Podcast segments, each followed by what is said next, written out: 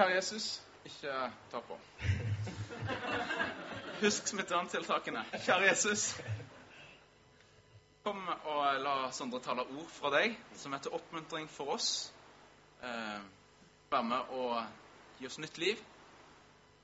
Og jeg ber om at du fyller Sondre òg med din fred. Kjekt for meg. Kom her. God pinse. Bannstift for salen fra første setning. Det, dette lover bra. Og uh, Bønder, det liker vi godt. en bra. Oh, yes. Du, eh, ja kan det hende at det er Og være noen der hjemme i en sofa eller en stol, for alt jeg vet. Jeg helst på. Eh, men jeg heter altså sånn eh, 31 år. Eh, og jeg merker nå at sola har stekt godt. Eh, så det var voldsomt fint å sitte her nå, og så kom det en liten bris nå eh, mens eh, det var kollekt. Det var veldig fint før jeg skulle opp. Eh, jeg Yes! Når manuset flyger.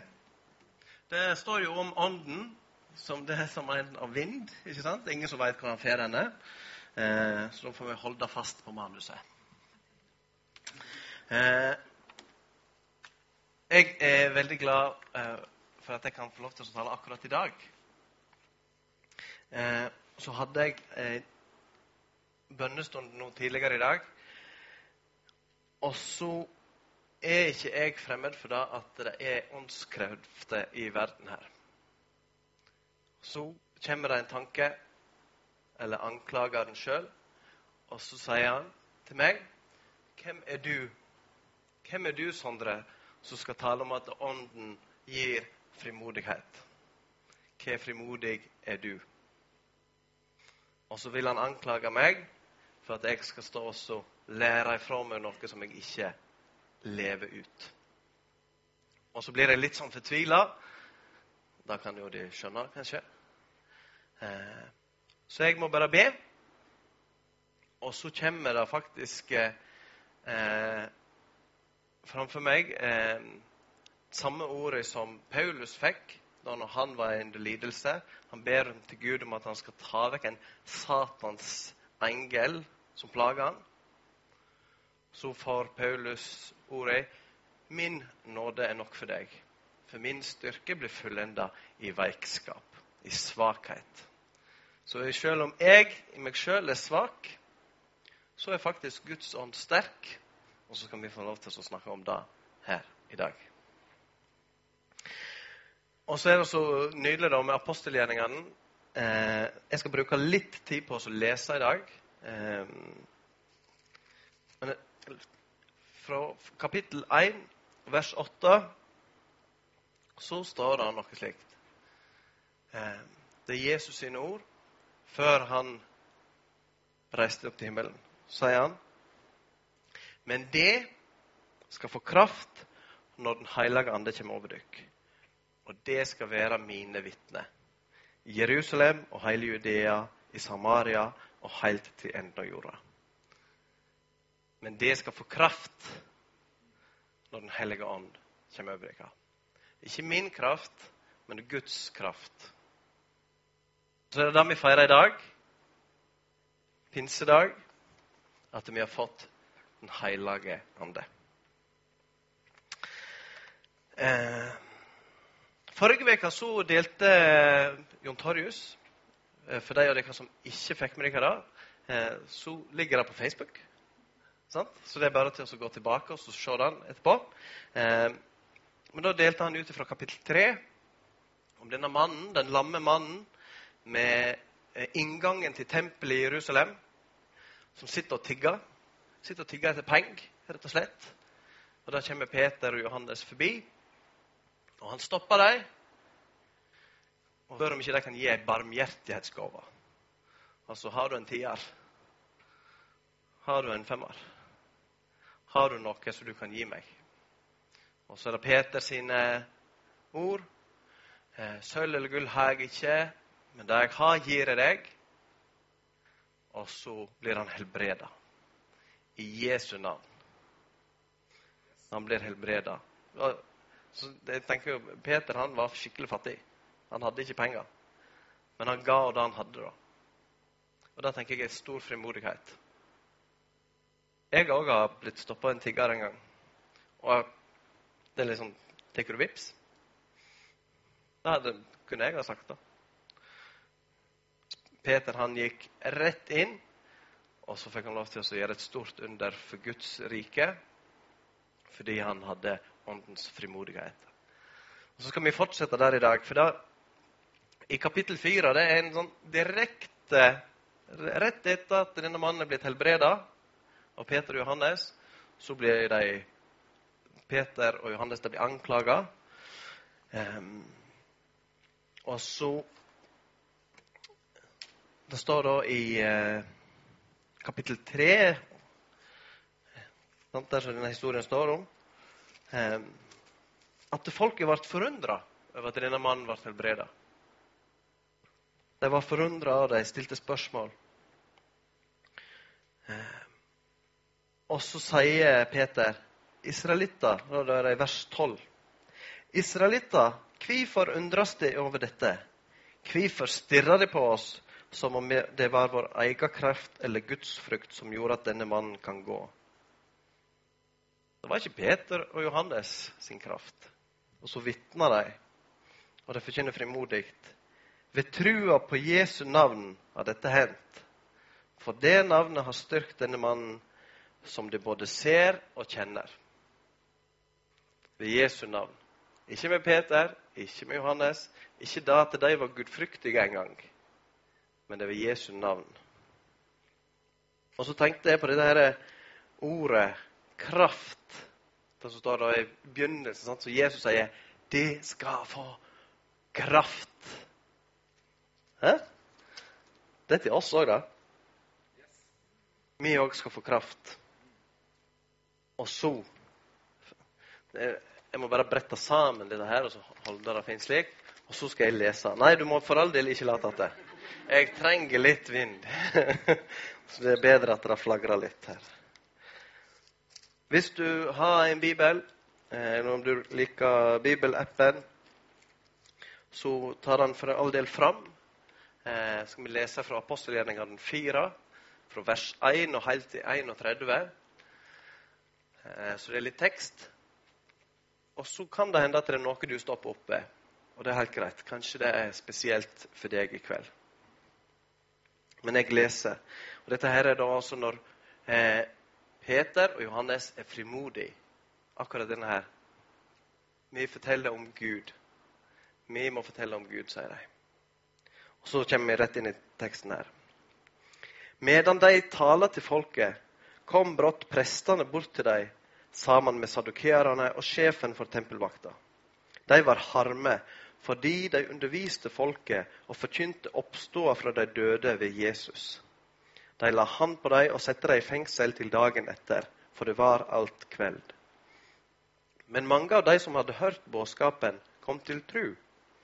Tallet på menn var nå om lag 5000. Bare si sånn at For ti dager siden det, kom det 3000 til. Altså på Kristi himmelfartsdag, når de vitna, fikk ånden. Da ble 3000 lagt til. Og så gått eh, ti dager, så er det plutselig 5000. Det snakker du eksponentiell vekst, altså. Det var bare en sånn parentes. Slutt. Videre i vers 5. Dagen etter kom de jødiske rådsherrene, de eldste og de skriftlærde sammen i Jerusalem. Også øverstepresten Annas var der, likeens Kaifas, Johannes og Aleksander og alle de andre som var av samme slekt som øversteprestene. De let apostlene føres fram og spurte dem. Med hva kraft og i hva navn gjorde de dette? Da ble Peter fylt av Den hellige ande og svara, rådsherrer og eldste i folket. Når vi i dag blir forhørte for ei velgjerning mot en sjuk mann, og det spør hvordan han ble lekt, da skal de alle og hele israelsfolket vite dette. Når denne mannen står frisk framfor dere, er det ved navnet til Jesus Kristus, nasareeren, han som det krossfeste, men som Gud reiste opp fra de døde. Han er steinen som ble vraka av dykk bygningsmenn, men som har blitt hjørnestein. Det er ikke frelse i noen annen. For under himmelen er det ikke gjeve mennesket noe annet navn som vi kan bli frelste ved. Da de så hvor frimodige Peter og Johannes var, og skjønna at de var ulærde menn av folket, undra de seg. De kjente de att og visste at de hadde vært i lag med Jesus. Og da de så mannen som var lekt, stå der sammen med dem, hadde de ikke noe å legge imot. De sendte dem ut av rådsalen og samrådde seg med hverandre. Hva skal vi gjøre med disse menneskene? Det er klart at de har gjort et under. Det er kjent for alle som bor i Jerusalem, og det kan vi ikke nekte for. Men dette må ikke komme ut mellom folk. Derfor vil vi truge dem, så de ikke taler til noe menneske mer i dette navnet. De kaller dem inn igjen og bød de slutte helt med å forkynne og undervise i Jesu navn. Men Peter og Johannes svarer, døm sjølve om det er rett i Guds øyne og lyder dykk mer enn Han. Vi kan ikke annet enn tale om det vi har sett og hørt. De truger de da enda mer og let de så gå. For de så seg ingen råd til å straffe dem, fordi alt folket lova Gud for det som hadde hendt. For den mannen som hadde blitt lekt ved dette underet, var over 40 år. Blir de sluppet fri, så skal jeg bare lese denne. Her. Det, det er en liten passasje igjen her, men vi tar det med. Da de nå var frie, gikk de til sine egne og fortalte hva overprestene og de eldste hadde sagt. Da de andre hørte det, vendte de seg alle med én og samme hug i bønn til Gud og sa:" Herre, du som skapte himmelen og jorda og havet og alt som i deg er. Du taler ved Den hellige ande gjennom tjeneren din, David, far vår, og let han seie:" Hvorfor er folkeslaget i opprør? Hvorfor grunner folka på det som er fåfengt?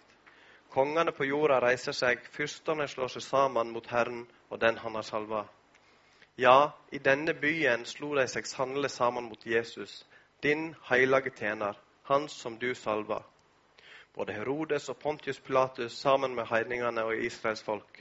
Alle hadde gjort det som du ved din hand og din vilje hadde fastsett. Og nå, Herre, hold øynene med trugsmålet deres, og la tjenerne dine tale ditt ord med frimod. Rett ut di hand for å leke og gjøre teiken og under ved navnet til Jesus, din hellige tjener.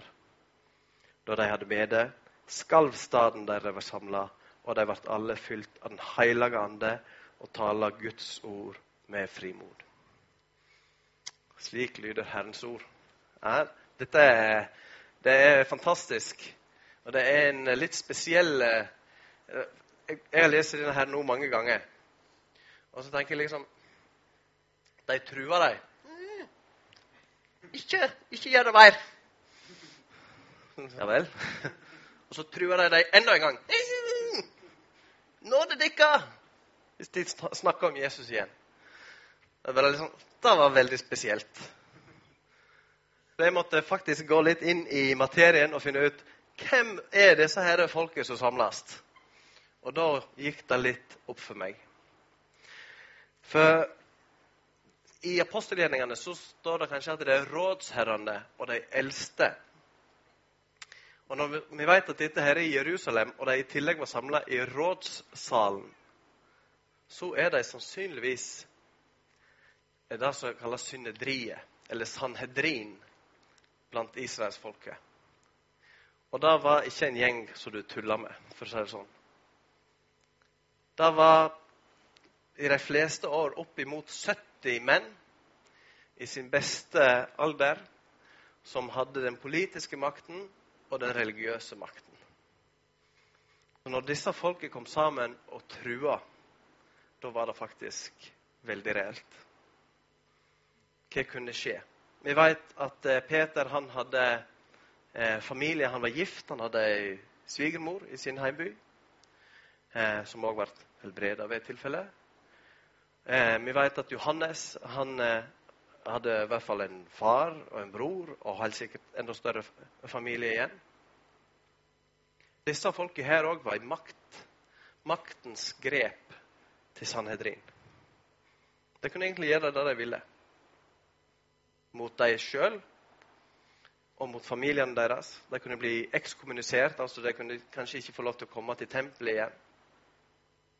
De kunne eh, kanskje ikke få lov til å selge varene sine i Jerusalem. Så det er en helt sånn stor sånn trussel som ligger inn over livet deres. Det var ikke bare en sånn «Nye». Det var en ekte trussel. 70 menn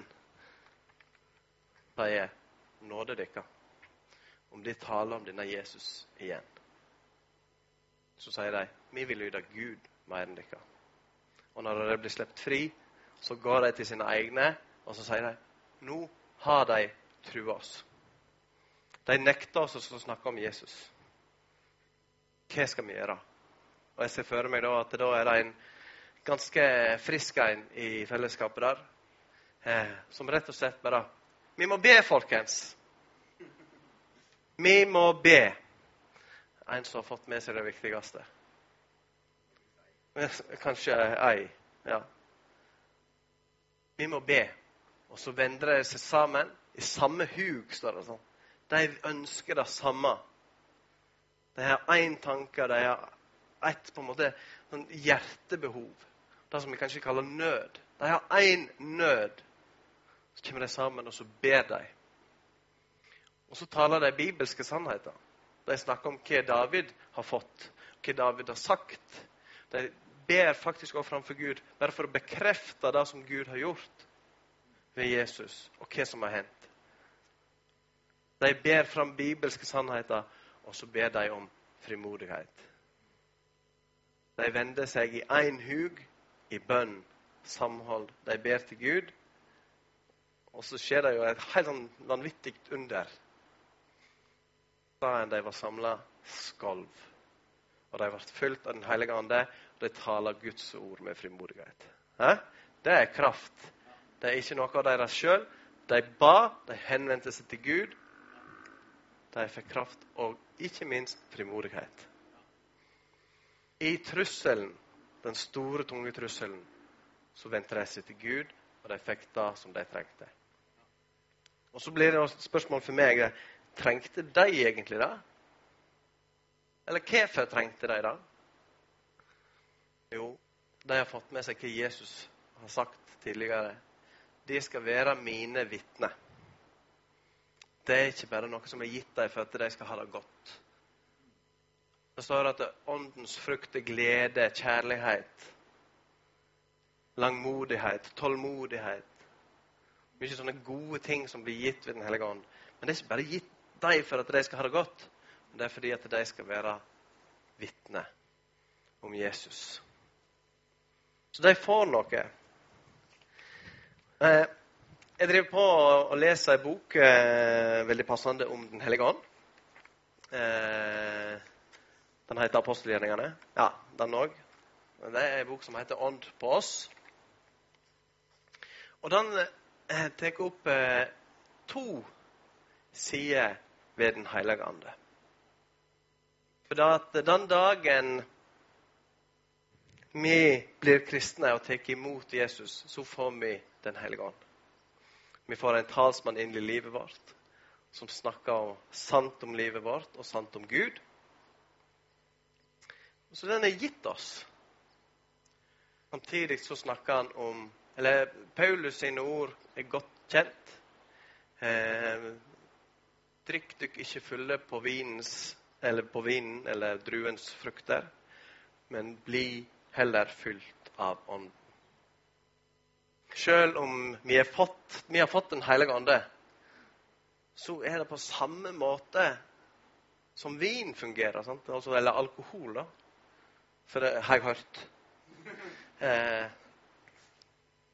at den har en virkning som avtar.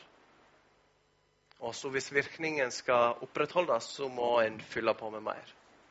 På samme måte sier Paulus at Den hellige ånd virker. Vi må bli fylt som en sånn vedvarende ting. Og det er vanligvis når jeg reiser, eh, Nå taler jeg litt, så jeg jobber i indremisjon. Og vanligvis så pleier jeg å ha på meg skjorte med knapper og sånn. Men jeg har valgt ei litt spesiell skjorte for anledningen. Dette er da altså skipperen. Eh, for de som ikke kjenner han, er en veldig kjent eh, karakter. Popeye står her på engelsk. Eh, og han, eh, han, han har ganske bra sånn, muskler, ikke sant? Han har ja, Nils vil bare at jeg skal vise mine pastorringer. Det er ganske bra med muskler på denne gutten her. Han er gitt en uh, fysisk kraft. Uh, noen, hvor mange her i salen er det som kjenner til det kan Skriv i kommentarfeltet hvis du kjenner til hvem uh, skipperen er. Hvor mange i salen kjenner til skipperen? Så alle sammen? Det er noen som ikke kjenner helt. OK. Uh, uansett. Skipperen han er veldig forelska i Olivia. Eh, ja, jeg har jo datter som heter Olivia. Eh, også, men det er en annen. Hun er veldig, hun er veldig fin. og skipperen han krangler da altså med Brutus, sin erkefiende, om oppmerksomheten til Olivia.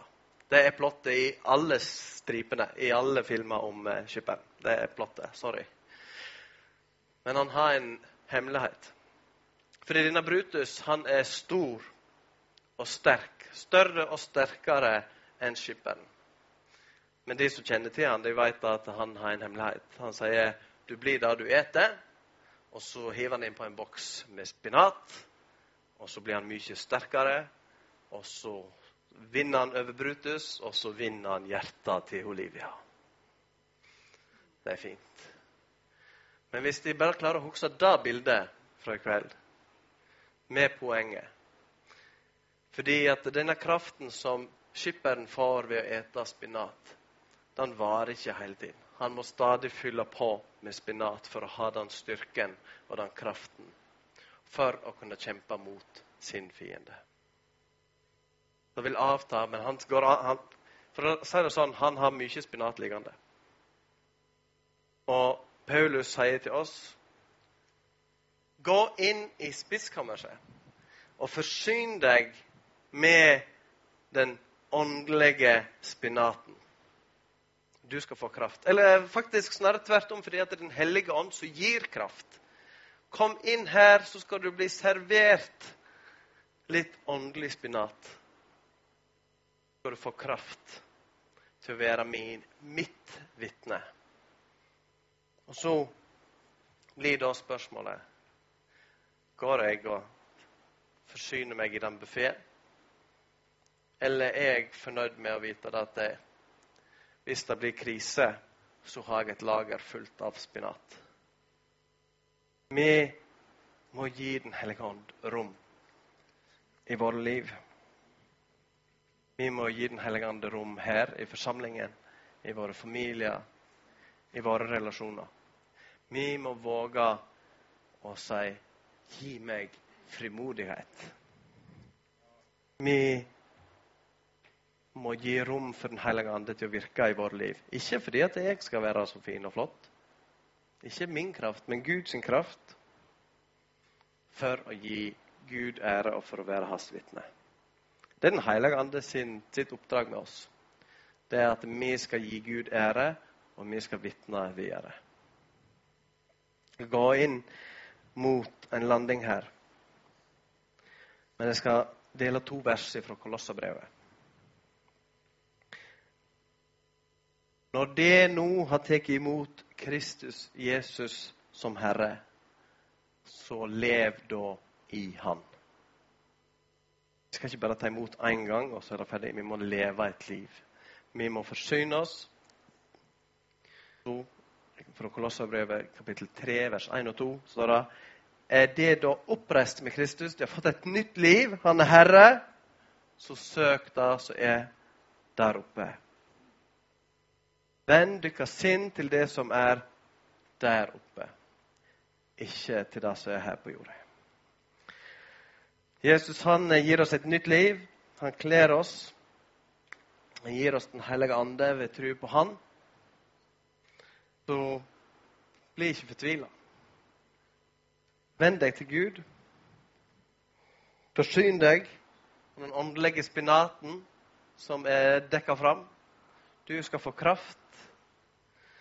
Og mens eh, lovsangsteamet kommer opp, så skal de få ta del i eh, denne dødslista fra Galaterbrevet.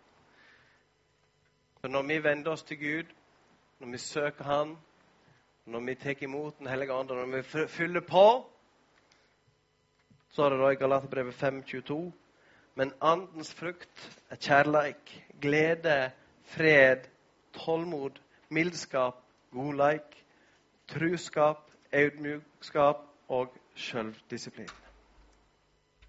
For å ære Gud. La at han fylle deg Ja, vet du hva? Eh, jeg har bare lyst til å be bønn, jeg. Hvis jeg har lyst til å være med og be Nå kan de få lov til en øvelse med en gang. Rett dykker sinn til det som er der oppe. Gode Gud, du som gir velvillig, og din ånd, din visdom, din kjærlighet, din glede og fred. Kom du her og fyll oss. Fyll de som lytter på, med din ånd. Og må du utruste oss til å være dine vitner. Jeg ber deg for hver enkelt her at skal få lov til å oppleve åndens frukt i sitt liv til ditt velbehag, Gud. Jeg takker deg for at vi kan stå sammen, og at vi kan være én flokk framfor deg. Må du minne oss på at du har gjort alt klart. At i din nåde så kan vi få, og vi kan få leve et liv fullt av kraft og frimodighet. Amen.